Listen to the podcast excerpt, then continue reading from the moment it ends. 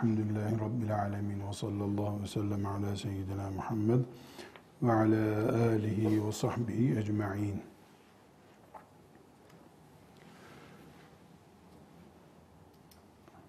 Usulü fıkıh ya da fıkha giriş konuşuyoruz. Fıkha girişle ne kastediyoruz? Fıkhı veya fıkıhtan bir konuyu anlamak için öncelikli olarak bilinmesi gereken belki de ön bilgiler ya da hazırlık bilgileri şeklindeki bilgiye fıkha giriş ismini verdik. fıkha bir giriş yaparken en önemli konulardan birisi fıkhın kaynağı olan Kur'an'ın ve sünnetin bilinmesidir dedik. Kur'an ve sünnet hakkında bilgimiz olmadığı sürece e, biz e, herhangi bir fıkıh bilgisi iddiasında bulunamayız. O zaman ne olur? A kitabını veya B kitabını okuruz. Orada caizdir dediyse caiz, mekruhtur dediyse mekruh deriz ve konu biter. Ama biz fıkıh derinlemesine anlamak istiyorsak, neden böyle, nasıl böyle anlamak istiyorsak, o zaman fıkhın oluşumunu, tarihini bilmemiz gerekir.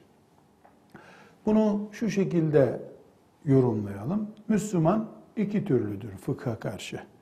Birincisi tarlasından gelmiştir. Akşam işinden gelmiştir memur şu caizmiş deyip evinde onu yapar. Şu caiz değilmiş deyip yapmaz.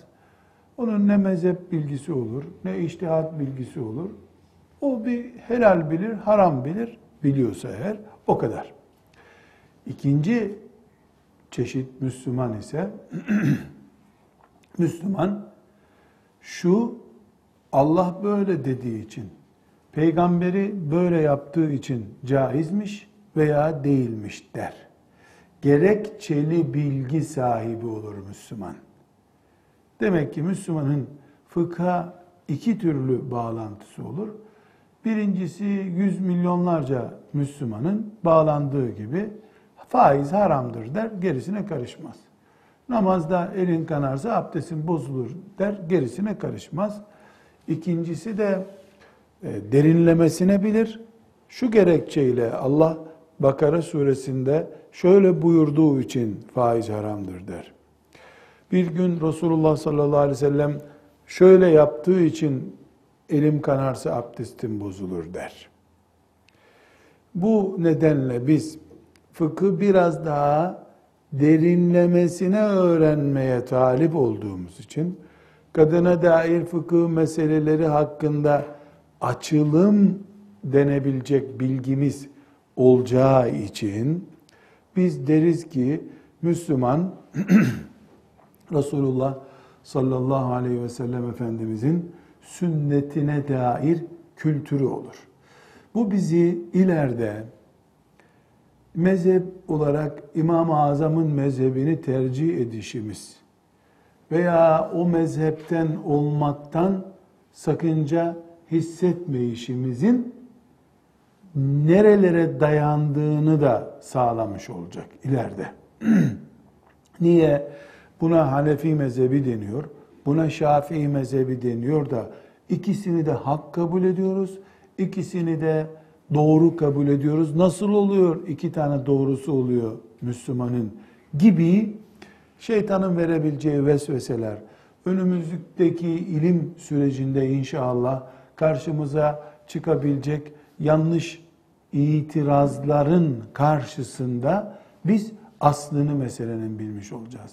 Bu bizim Kur'an-ı Kerim'in Mekki mi Medeni mi diye surelerini ayırırken bildiğimiz bilgi gibidir bu. Genelde Kur'an-ı Kerim'le ilgili fıkıh açısından bilinebilecek usul bilgileri, bilinmesi gereken ya da usul bilgileri binlerce değildir. Yani şöyle e, bir 250-300 sayfalık kitapta Kur'an bilgileri özetlenebilir. Hadis bilgileri ise daha fazladır. Çünkü e, Kur'an'a göre hadisin kullanılırlık oranı da çoktur. Yani mesela A konusunu, B konusunu bir fıkıh kitabında incelediğimiz zaman e, hadisle ilgili ıstılahlar, kavramlar daha çok karşımıza çıkar. Bu hadis filanca fakihe göre sahihtir. Onun için böyle diyor. Bu hadis zayıf olduğu için bu mezhep bu görüşle amel etmiyor diyebiliriz. Burada hanım kızlarım e, çok net bir şekilde şöyle bir ölçü koyayım. Biz Ebu Hanife'nin şu görüşüyle amel ederken yüzde yüz içimiz rahat oluyor. Yahu biz Ebu Hanife'nin peşinden gidiyoruz ama başımızı belaya sokmayalım kıyamet günü demiyoruz. Bu bizim Ebu Hanife'nin soyu Türklere dayanıyor. Türkler de kendi adamını bırakıp da öbür takımı tutacak hali yok diye cahilce, batıl, asla Müslümanın kabul etmeyeceği ve hatta sapıklık göreceği bir mantıkla değil herhalde. Biz Türktür Ebu Hanife kökü, hani Türk değil Farisi kökenli ama diyelim Arap değil hiç olmasın bizden diyecek kadar e, elhamdülillah şeriatımızdan haşa kopuk değiliz. Öyle bir nedenle değil. Ebu Hanife'nin bize gösterdiği filan mesele Resulullah sallallahu aleyhi ve sellemin e, şeriatına, sünnetine aykırı ise bin kere reddederiz onu. Ne Ebu Hanife'si? Biz Ebu Hanife'nin ümmetinden değiliz ki. Muhammed aleyhissalatu vesselamın ümmetindeniz. Böyle iman ediyoruz biz. Bu hususta biz e, bilhassa hadis usulü bilgilerine dalmamızın temel nedeni daha makul, daha inanarak, daha benimseyerek Resulullah sallallahu aleyhi ve sellemin e, sünnetini kendimize uygulayalım. Kastımız budur. Yoksa e, elbette biz yapılmış, karar verilmiş, anlaşılmış şeyleri bir tarih bilgisi olsun diye okuyacak halimiz yok. Şimdi tekrar konumuza dönebiliriz. Zaten size okuyacağınız sünnetle ilgili kaynaklar verdik. Daha da vereceğiz. Devam edeceğiz sünnetle ilgili kaynakları okumaya. Devam edeceğiz inşallah. Çünkü sünneti bilmeyenin herhangi bir şekilde yani sünnetle ilgili ıstılahları bilmeyenin herhangi bir şekilde e, şeriatı anlaması mümkün değil. Onu avamdan biri kabul etmek zorundayız. Avamdan ne demek? Halk. Halk. Otur otur, kalk kalk. Haram haram, helal helal. O faiz haramdır, zina haramdır diye bildi mi yeter Allah'ın izniyle. Ama biz e, sizi daha yüksek noktalarda, avam noktasında değil, alimat konusunda görmek istiyoruz. Ümmetin kadın alimleri olmanızı istiyoruz. Bilmeniz gereken zaruri, alfabe kadar zaruri bilgiler var hadis konusunda. Sahih ne demek? Zayıf ne demek? Ravi ne demek? Mürsel ne demek? Bunları bilmedikçe ilimden hiçbir nasibiniz olmaz. Yani sahabinin bir söz söylemesiyle Ebu Hanife'nin bir söz söylemesi arasında fark olduğunu sizin e, açılımıyla beraber bilmeniz gerekiyor. Bu sünnetle ilgili e, ıstılah konularına girmeden önce e, sünnet konusunda e, bizim bilmemiz gereken bir şey var. Kur'an'la kıyaslandığında sünnet ya da bir kenarda Kur'an, bir kenarda da sünnet bulunduğunda nasıl bakacağız? E, bu hususu iyice tespit etmemiz gerekiyor ki kalbimiz bu konuda rahat etsin. Şimdi e, sünneti Kur'an'la değerlendirirken birinci konumu sünnetin, sünnet Kur'an'ı tekit için gelir. Yani Kur'an aynı şey, Kur'an faiz haramdır demiştir. Sünnet de haramdır demiştir. Dolayısıyla sünnetin buradaki konumu Kur'an'ı tekrar etmek olur. Bu birinci konumudur. Ve genel olarak da sünnetin yaptığı budur zaten. Allah ya eyyühellezine amenu la te'kulu envalekum beynekum bil batili. Ey iman edenler kendi aranızda batıl yollarla mallarınızı yemeyin. Yani birbirinizi kandırmayın, birbirinize hile yapmayın. Kimse kimsenin malını helal olmayacak bir şekilde yemesin. Ayet böyle e, buyuruyor. Şimdi bu ayetin karşısında Resulullah sallallahu aleyhi ve sellem hepimizin bildiği, bilmesi gereken veda hutbesinde ne buyuruyor? İnne dima'ekum ve emvalekum haramun aleykum. İnne dima'ekum ve emvalekum haramun aleykum. Şimdi bir ayet aldık. Bu ayet ne diyordu? Ey iman edenler aranızda malınızı, mallarınızı batıl yollarla yemeyin. Yani birbirinizi kazıklamayın argo deyimiyle. Birbirinize hile yapmayın. Birisinin malını alacaksanız helal bir yolla alın. Bu ayet. Peygamber Efendimiz sallallahu aleyhi ve sellem ne buyurdu veda hutbesinde? Mallarınız ve kanlarınız birbirinize haramdır dedi. Şimdi o ayeti anlayan bir Müslüman bu ayeti de ve bu hadisi şerifi de duyduğunda ne anlayacaktır? Allah da malı helal olmayan bir şekilde almayı haram sayıyor. Peygamber Efendimiz sallallahu aleyhi ve sellem de haram dedi. Zaten bir sıkıntı yok. Yani burada sünnetimiz, hadisi şerifimiz ne yaptı? Kur'an'ın söylediğinin aynısını söyledi. Böyle onlarca, yüzlerce, binlerce hadisi şerif var. Birinci konumu neymiş Kur'an'ına bakıldığında, Kur'an'ın bir kenarda, hadis-i şerifin bir kenarda durduğunda birinci konum tekrar ediyor. Kur'an'ın söylediğini tekrar ediyor. İkinci olarak Kur'an'ı tefsir ediyor. Yani açıklıyor demektir. Bu şöyle anlaşılabilir. Kur'an bir emir, yasak bir şey getiriyor. Bu büyük oranda anlaşılamıyor. Ne demek istiyor Allahu Teala burada? Yüzde yüz anlaşılamıyor. Peygamber Efendimiz ümmetinin hocası olarak, ümmetinin önderi olarak Allah size şunu söylemek istiyor diyor. Açıklama yapıyor. Tefsir, Kur'an'ın tefsiri. Böyle de bu anlamda olan da yüzlerce, binlerce hadis-i şerif var. Kur'an'ın en mesela en en basitinden Allah namazı ikame edin diyor Kur'an-ı Kerim'de. Namaz kılın diyor. Sünneti seniyeyi kaldırırsanız yani sünnet hadis olmazsa ne demek Kur'an'da namazı kılın? Nasıl kılacağız? Kur'an'ı Fatiha'dan Nas suresine kadar aldığımızda nasıl namaz kılacağımıza dair hiçbir ayrıntı yoktur. Hiç ama.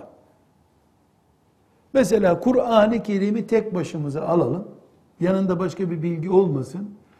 Bu Müslümana da al bu Kur'an'ı 20 sene araştır, namaz kıl bakalım diyelim. 20 sene sonra bugün kıldığımız namazı Kur'an'dan çıkaramaz o insan. Namazı bugünkü kılacağımız şekle hadisi şerifler, sünnet getirmiştir. En başta ne demiştik? Sünnetle hadisi genel aynı manada kullanıyoruz. Daha sonra buna değişik manalar vereceğiz ama üç aşağı beş yukarı aynı manada kullanıyoruz. Demek ki sünnet namaz örneğinden aldığımız zaman bile Kur'an'ın emirlerine açıklama getiriyor. Bu böyledir diyor. Kur'an'ın üç satırda anlattığı şeyi geniş geniş anlatıyor. Kur'an-ı Kerim'in bir kelime kullanıyor. O kelimeyi anlamayan ashab-ı kiramın sorularına cevabı olarak hadis-i şerifler geliyor. Mesela e, Allahu Teala اَلَّذ۪ينَ آمَنُوا وَلَمْ يَلْبِسُوا اِيمَانَهُمْ بِظُلْمٍ İman edip, اَلَّذ۪ينَ آمَنُوا iman edip وَلَمْ يَلْبِسُوا اِيمَانَهُمْ بِظُلْمٍ İmanlarına zulüm karıştırmayanlar اُلَٰئِكَ لَهُمُ الْاَمْنُ وَهُمْ مُهْتَدُونَ Onlar emniyet içinde ve hidayete erenlerdir diyor. Şimdi dikkat edin iman edip imanlarına zulüm karıştırmayanlar. Bu yedinci cüzün e, sondan bakıldığında dördüncü sayfasının ilk ayeti. İman edip imanlarına zulüm karıştırmayanlar. Burayı açılım yapın. Zulüm ne demek? Birisinin mesela e, çocuğun arkadaşının bir şeysini alması. eşin eşini dövmesi, birisinin malını almak. Zulüm bildiğimiz zulüm bir insana yapılan haksızlık demek. Ayet ne diyor? İmanlarına zulüm karıştırmayanlar, iman edip imanlarına zulüm karıştırmayanlar, Ulaike lehumul emnu ve hum muhtedun. Emniyette olacak yani cehennem tehlikesi yaşamayanlar ve hidayete erenler onlardırlar. Ve hum muhtedun. Peki birisinin 5 lirasını alan ne oldu? İmanına zulüm karıştırdığı için hidayet dışı kaldı. Yani küfür içinde oldu. Veya eşini dövdü, zulmetti. Yahut da bakkal hile yaptı. Dolayısıyla kul hakkı içine girdiği için o da e, imanla ilgili tehlikeli bir duruma düştü. Ayet böyle söylüyor. Sahabe-i kiram Arapça biliyorlar. اَلَّذ۪ينَ آمَنُوا وَلَمْ يَلْبُسُوا اِيمَانُهُمْ بِظُلْمٍ اُلَٰئِكَ لَهُمُ الْاَمْنُ وَهُمْ مُهْتَدُونَ İmanlarına zulüm karıştırmayanlar ancak hidayet üzeredirler dedi. Ötleri patlamış bu işten. Hemen Resulullah sallallahu aleyhi ve sellem'e gelmiş. Ya Resulullah Allah çok açık bir şekilde zulmedenlerin imanına zulüm karıştırdıklarını ve böylece imanlarının olmadığını söylüyor Allah. Hidayet dışı tutuyor. Ayet böyle söylüyor. Efendimiz buyurmuş ki merak etmeyin.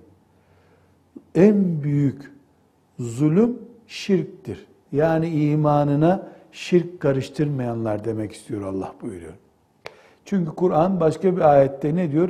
İnne şirke le zulmun azim. Şirk muhakkak büyük bir zulümdür. Böyle anlamı Kur'an'da var bu. Ama bu tefsiri, bu açılımı Resulullah sallallahu aleyhi ve sellem yapmasaydı ne anlayacaktı bütün Müslümanlar? Sen geçen gün kediyle oynarken kedinin kuyruğuna asılmadın mı? Asıldın. Hayvana zulmetmiş olmadın mı? Oldu. Sen yeniden iman et o zaman. Dinden çıktın. Çok açık böyle anlaşılıyor ayetten. Ama ne yaptı Efendimiz? Başka bir ayeti inne şirke le zulmün azim. Şirk muhakkak büyük bir zulümdür ayetini getirdi. Bunu açıklama olarak koydu önümüze. Böylece ashab-ı kiram rahatladılar. Zulmedebilirsin demek olmadı bu ama e, insan olup da zulmetmemek. E, deveye vurdun hızlı gitsin diye zulüm oldu hayvana. İneğin sütünü çabuk versin diye ineği kamçıladın. E, zulüm oldu. E dinden mi çıktın hemen? Hayır dinden çıkmadın. Nereden biliyoruz bunu? Birisi sadece bu ayeti alsa. وَلَمْ يَلْبِسُوا اِيمَانَهُمْ بِظُلْمٍ ayetini alsa, gelip bize sen geçen gün ayağıma basmamış mıydın? Ey kafir ayağıma bastın sen. E niye? Ayağa basmak bir zulüm. E zulümse Allah zulmedenler imanlarına zulüm karıştıranları hidayet dışı tutuyor. Kur'an'da dese e yok diyemezsin hakikaten öyle. Ama ne yaptı Efendimiz? Tefsir etti. Bunun için en başta dedik ki sünnetle oynayanlar yani bundan önceki dersimizde ne dedik? Sünnetin değerini düşürenler, hadisi şerifleri atasözü gibi görenler bilinçli bir şekilde aslında Kur'an'ın altına uyuyorlar. İşte bir söz mesela hanımefendiler siz şöyle merak edin Kur'an'ı mealinden de olsa başından sonuna kadar bir okuyu verin. Ve oruç nasıl tutacağınızı, hac nasıl yapacağınızı, namaz nasıl kılacağınızı bir öğrenmeye çalışın Kur'an'dan. Karşınıza bol bol namazı seven ama nasıl kılacağını bilmeyen bir insan çıkacak. Onun için Kur'an-ı Kerim'i mealinden, tefsirinden okuyup hadisi şerifleri şöyle bir kenarda görmek isteyenlere dikkat edin sabah namazına kalkmayan adamdırlar. Çünkü sabah namazına kalkmanın önemi Kur'an'da yok. Evet Kur'an namazı büyütüyor, büyütüyor, karşımıza çıkarıyor. Ama nasıl kılacağını, sabah namazına kaçta kalkacağımızı hadis-i şeriflerden öğreniyoruz. Bu sebeple bir kenarda not olarak dinleyin. Usul bilgisi bilmeden, hadisi şerif bilmeden, bol bol tefsir hayranlığı, mealinden Kur'an okuma hayranlığı, görünürde ciddi bir şekilde Allah'ın kitabına sarılmaktır. El hak öyledir. Yani kimsenin kalbine hükmedemeyiz biz. Ama sonuç olarak ibadeti olmayan, kulluğu olmayan, Müslümanist diye bir ekolün oluşmasına, İslamizm diye bir işte filanca ekol gibi bir ekolün oluşmasına götürür. E, ceketinin cebinde bir meal vardır. Onunla insanlar kafir Müslüman diye ayırır. Ama kendisi ezanı duyduğu halde namaza koşmaz. Niye? Onun okuduğu Kur'an'da böyle bir açılım yok. Bu sebeple Kur'an peygamber size ne veriyorsa onu alın diye ikaz ediyor. Bu ikazı kim anlar? Müslüman anlar. Nasıl anlar bu ikazı? E Allah beni Kur'an'a doğru yönlendirdi. İman et buna dedi. Kur'an'da peygamberi taklit et dedi. Lekad kâne lekum fi Resulillahi usvetun hasenetun. Limen kâne yercullah vel yevmel ahir. Eğer gerçekten Allah'ı arıyorsanız ve ahiret günü diye bir derdiniz varsa o zaman peygambere bakacaksınız. Peygambere bakmak nasıl olacak? E sünnetine bakarak olacak. Sünnetini uygulayacağız peygamberin. Başka türlü peygamber efendimiz sallallahu aleyhi ve sellemi kim olarak göreceğiz biz? Kim olarak? Neci bu? Verdi Kur'an'ı gitti kargo görevlisi mi? Kur'an diye bir kitap getirdi gitti. Açtık Kur'an'ı peygamberin peşinden gidin diyor. Peygamberi tak ne verdiyse o me ataakumur rasulu fehuzuhu. Peygamber size ne verdiyse alın. Ve ma nehakum anhu fentehu. Size neyi yasakladıysa onu da yapmayın. Diyor Kur'an-ı Kerim. Biz de böylece Peygamber Efendimizin sünnetine sarılmış oluyoruz. Tekrar konuyu toparlıyorum bu dersimizin başlığı. Ne dedik? Kur'an açısından sünnete bakıldığında Kur'an Resulullah sallallahu aleyhi ve sellem Efendimizin sünnetiyle perçinlenmiş olabilir. Kur'an beyaz dedi, Peygamber Efendimiz de beyaz dedi. Zaten biz e, bir bunda bir tereddüt görmüyorduk. Beyaz beyaz. Kur'an-ı Kerim batıl yollarla mallarınızı birbirinizden almayın dedi. Efendimiz sallallahu aleyhi ve sellem de veda hutbesindeki hadisi şerifinde mallarınız ve kanlarınız birbirinize haramdır dedi. Bu bunu ne yapmış oldu? Perçinlemiş oldu. Bu el bu ele tutmuş oldu. Bir sıkıntı yok. Ee, öbür örneğimizde de Kur'an-ı Kerim kavramlar kullanıyor. Kullandığı bu kavramları müminler anlayamıyorlar. Resulullah sallallahu aleyhi ve sellem insan düzeyinde çünkü Kur'an'ın kendine mahsus bir uslubu var. O uslubu anlayamıyor Müslüman. Anlayamayınca peygamberine müracaat ediyor. Demek ki ne yapmış oluyor hadis-i şerif? Tefsir etmiş oluyor. Resulullah sallallahu aleyhi ve sellemin müfessirlik görevi var demek ki. Bu müfessirliğe iki örnek verdik. Birincisi اَلَّذ۪ينَ آمَنُوا وَلَمْ يَلْبِسُوا اِيمَانُهُمْ بِظُلْمٍ ayetini örnek verdik. Bir kelimeyi Efendimiz bu, bu manadadır diyor. İkinci olarak da müminler için genel manada namaz mesela Kur'an'ın emridir. Onlarca defa Allah namaz ikame edin diyor. E, ama namazı ikamenin mesela kıbleye dönüleceğini fevellu vucuhakum şatrul mescid haram ayetinden kıbleye dönüleceğini anlıyoruz. Ama bu dönmenin ayrıntılarını Resulullah sallallahu aleyhi ve sellem açıklıyor. Namaz kılabilmek için Peygamber aleyhisselamın sünnetine, hadisi şerifine ihtiyacımız var. Hac etmek için de öyle, oruç tutmak için de öyle. Yani faizle ilgili şiddetli ayetler var Kur'an-ı Kerim'de. Ama bakıyoruz ki hadisi şerifler faizin biraz daha bize açılımını yapıyor. Peygamber aleyhisselam efendimizin en önemli konumu da budur zaten. Elimizdeki kanun kitabı olan Kur'an'ı uygulama kitabı haline getirmiş oluyor.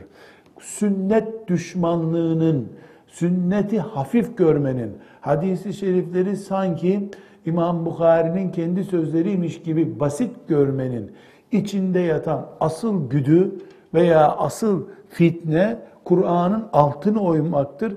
Kur'an-ı Kerim'i kutsal mı kutsal, gökten mi inmedi, gökten indi. Muhteşem mi muhteşem ama nasıl uygulayacağız cevabı yok. Bu hale getirme hastalığıdır. Sünnetin hafif görülme hastalığı. Üçüncü e, nokta Resulullah sallallahu aleyhi ve sellem Efendimizin sünnetinin Kur'an-ı Kerim'le karşılaştırıldığında üçüncü örnek Kur'an'da zikredilmeyen bazı konuların Peygamber Efendimiz tarafından konduğunu görüyoruz. Mesela en basitinden bir örnek süt konusu. Ee, Kur'an-ı Kerim ve ummahatukum minel yani süt anneleriniz diye ifade getiriyor. Süt anneleriniz. Şimdi süt annemiz eğer süt emziysek yani anamız dışında bizi doğuran ana dışında bir kadından süt emdiğin zaman o anandır senin diyor Kur'an. Böylece süt annesinin insanın kendi annesi gibi olduğunu Kur'an öğretiyor. Kur'an'da sütle ilgili ayrıntı yok ama. Peki süt kardeş nasıl haram oluyor? Bir insanın süt dayısı olur mu? Süt amcası olur mu? Süt babası olur mu? Bunlar Kur'an'da yok. Hadis-i şerif ne diyor? Yahrumu miner radai ma yahrumu minen nesebi. İnsanın doğumla kendisine ne haram oluyorsa evlilik açısından sütle de o haramdır. Yani bir kadının rahminden çıkmak o kadınla alakalı hangi haramları oluşturuyorsa mesela kadının rahminden doğduğun için onun kardeşi dayın oluyor. Babası deden oluyor. Onun çocukları kardeşin oluyor. O rahimden doğduğun için. Rahimden çıkmak neyse göğsünden süt emmek de odur diyor hadis-i şerif. Dolayısıyla onun rahminden çıktığın için onun rahminden çıkan diğer çocuklar senin neyin oluyor? Kardeşin oluyor. Sütünü emdiğin zaman da başka bir kadının onun sütünü emen herkes senin neyin oluyor? Kardeşin oluyor. Onun o sütünü emdiğin kadının babası senin süt deden oluyor. Kocası baban oluyor. Ee, o kadının kendi kardeşleri senin dayın oluyor. Hadis-i şerif ne yaptı? Kur'an'da sadece süt anne kavramı vardı. Hadis-i şerif rahimden doğmakla oluşan hukuk süt emmekle de oluşur diyerek süt dünyası oluşturmuş oldu. Bu hükmü Kur'an'dan alacak olsak sadece anne ile sınırlı kalıyor. Veya çok dar bir mana çıkıyor. Ama hadisi şerif Kur'an'da olmayan hükümler de koymuş oldu.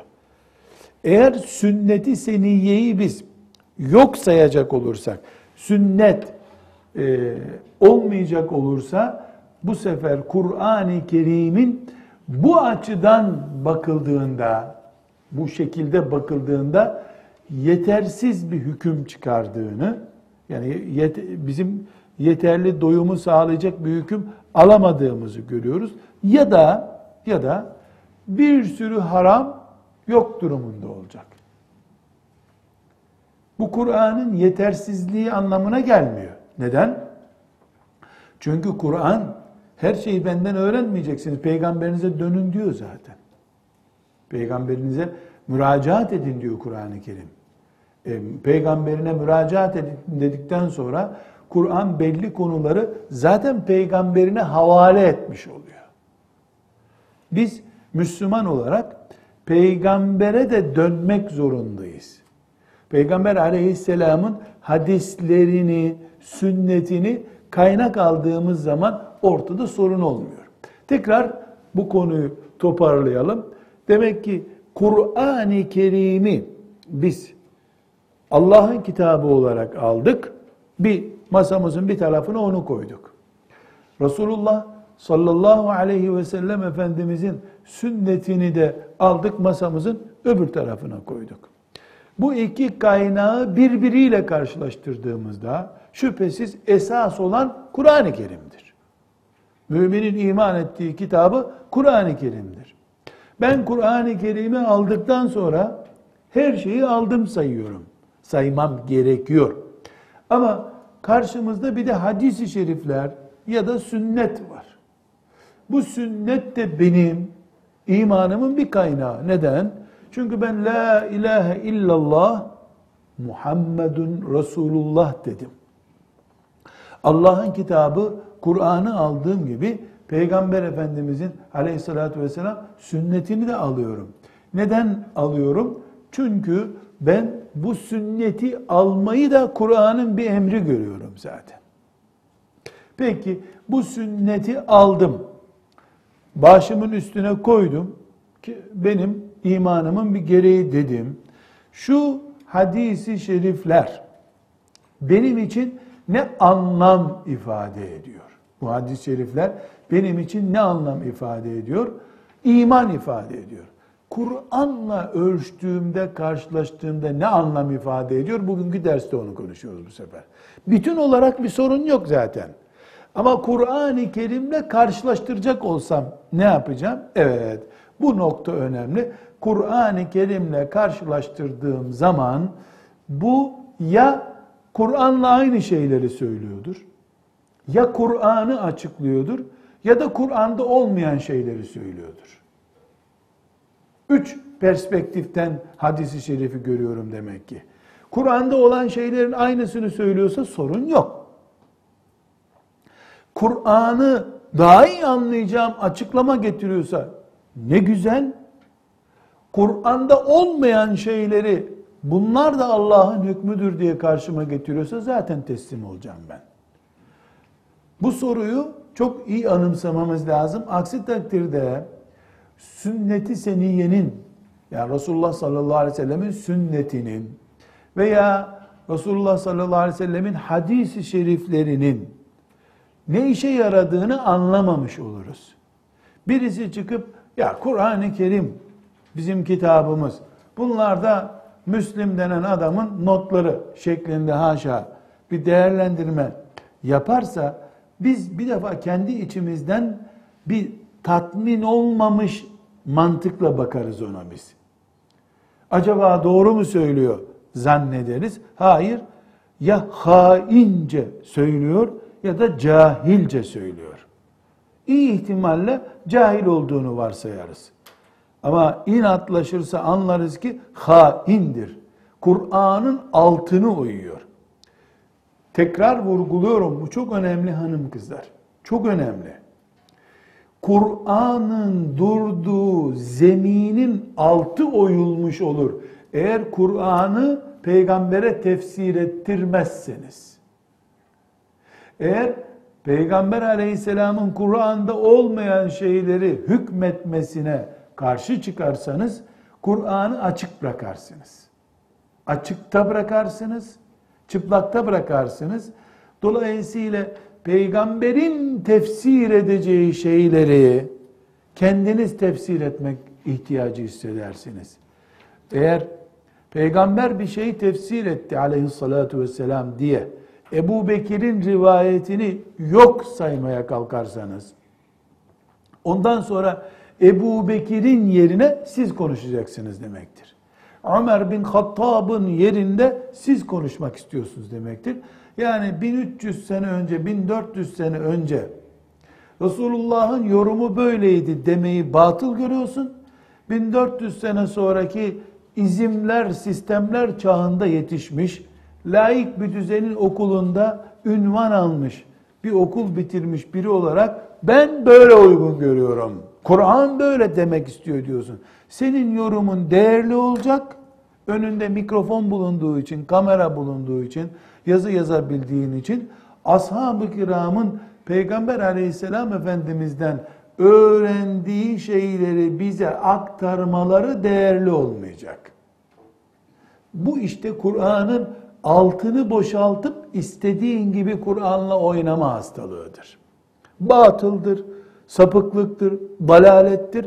Asla bunu kabul etmeyiz. Lakin eski ulemamızın usulünü takip edip bunu yapan kafirdir demiyoruz. Diyemiyoruz. Niye diyemiyoruz? E, cehaletten olabilir. E, bilmemezlikten kıymetini bilmemezlikten olabilir diyoruz. Bu kadar e, bir nazik ölçü kullanıyoruz ama esasen bakışımız daha kötü bir renkte, daha koyu bir renkteki bir bakıştır. Fakat ulemamızın metodu tekfir etmemektir. Ne demek tekfir etmemek? Kafir saymak değildir asıl metotları. Neden?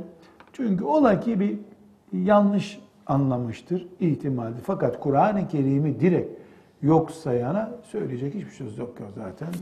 Yollarımız ayrı. Ama Kur'an'a iman ettim diyen eğer Peygamber aleyhisselamın hadisi şeriflerine, sünnete hafif bakıyorsa bunu iyi ihtimalle cahillik kabul ediyoruz. Kıymetini bilmemek, etkilenmiş olmak kabul ediyor. Ama daha önce ki derste vurgulamıştım. Böyle bir hastalığın kökü Avrupa'dır. Avrupa'dan gelen hastalığa zaten nasıl bakacağımızı biz biliyoruz. Bugünkü dersi özetleyecek olursak, Kur'an-ı Kerim'le hadis-i şerifin ilişkisini açıkladık.